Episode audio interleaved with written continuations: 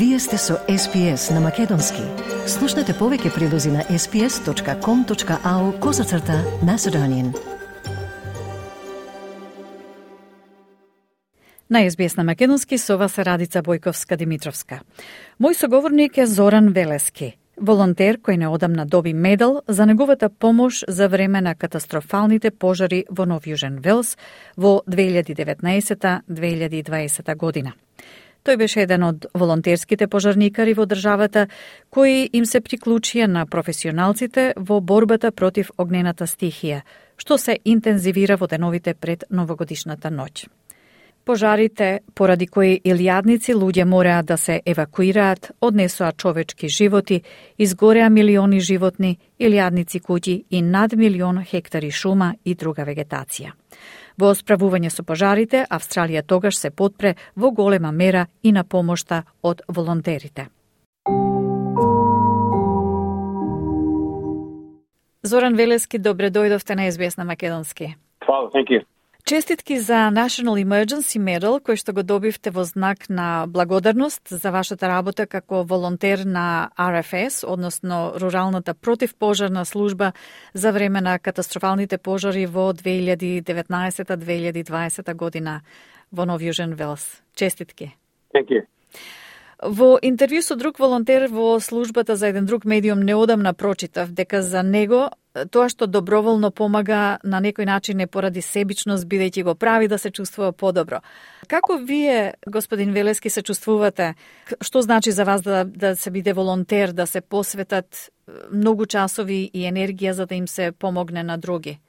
Uh, јас сакам да правам uh, volunteer firefighting for RFS for the reason being да му поможам на луѓе and it makes me satisfied and being from a young age sакам јас да бидев fireman but um, јас појдов uh, во real estate in and then in 2019 јас појдов to get qualified uh, volunteer firefighters и um, од тука многу сум благодарен што ми ми дадо opportunity RFS New South Wales да бидам uh, volunteer.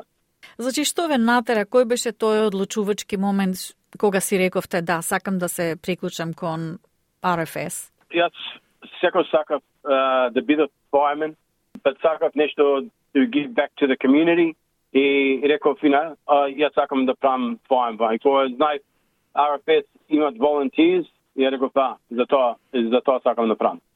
Значи, се приклучивте кон RFS во 2019 година? Yeah, up, me dado the go ahead to learn and know everything about RFS in February 2019. Mm-hmm. We used to uh, Godina for November uh, 2019. I was qualified bushfire fighter. So I, I took a dive there, fortunate to Godina, uh, November 2019, the early 2020, we had the Black Summer fires. Вие помагавте, Зоран, при големиот пожар што ја занеме во ужас нацијата, а слики го обиколија и целиот свет, поради неверојатно брзото ширење на, на пожарот во Бейтманс Бей во 2019 Вие бевте таму. Може ли да се присетите на тој итен повик што го добивте и на првите мигови кога пристигнавте во местото што беше во пламен? Ние на тој ден, 31 декември 2019, појдовне да војне во Sutton Forest во New South Wales. И после кога бевне на M5 Freeway, на emergency на радиото ни кажа да војме во Bateman's Bay со три сати и пол со lights and sirens. И кога појдовне таму, ова ме беше прв пат што имам појдо на, на emergency.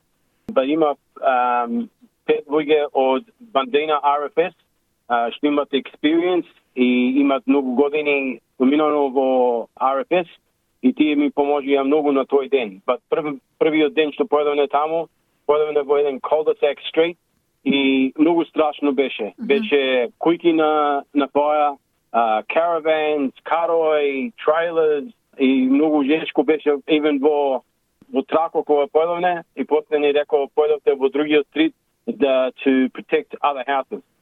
Да, така, да, во Нов Јужен Велс тогаш беше прогласена седумдневна вонредна состојба поради рекордно високите температури, нели над 40 степен, што предизвика над стотина пожари во, во државата.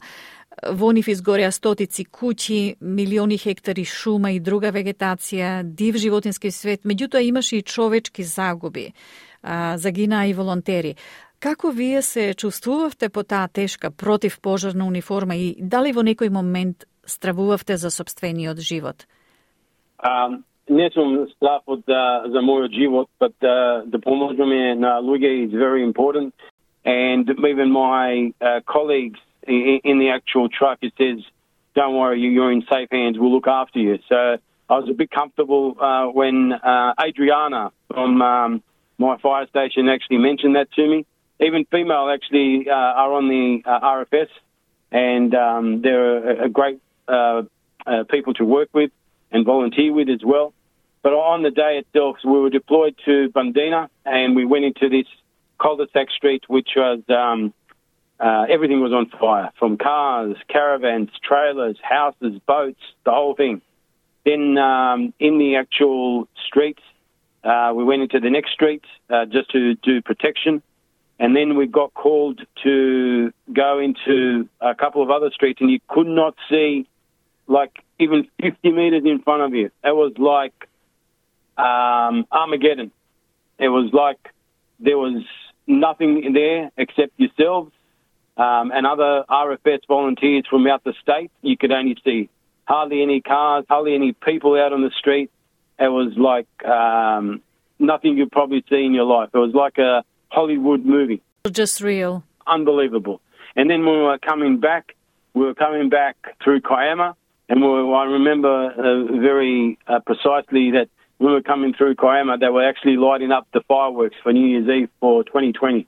We actually felt a bit tired because we started our shift, um, I think it was at 6 or 7 o'clock that day in the morning, and we were coming back um, like midnight. We got back to our station, I think, about 1.30, 2 o'clock in the morning. It was a, a tragedy што изгубија um, New South Wales volunteer fighters.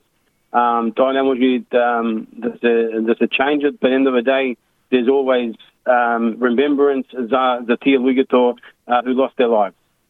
Кажете ни што е тоа што го имате стекнато како може би како позитивно искуство за време на вашата доброволна работа за време на пожарите, што ќе остане како нешто трајно во вашиот личен развој и надградба?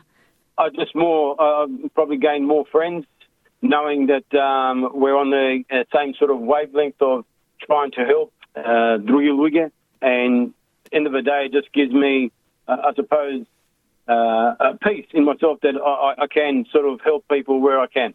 Yeah, um, he has some very grateful the the city emergency services, Nesamo, New South Wales RFS, but uh, ambulance, police, um, fire and rescue, сите добиваат um, помош за за други луѓе да му поможуваат as well кога имат extreme cases што се направи во Black Summer Fires in 2019-2020. Добро, господин Велески, ви благодарам за разговорот и уште еднаш честитки за медалот и за вашата посветеност како волонтер.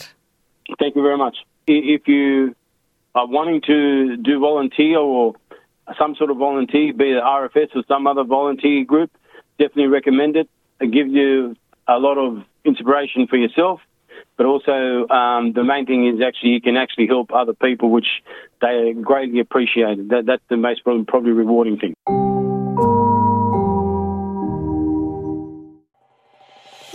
Сакате ли да чуете повеќе прилози како овој?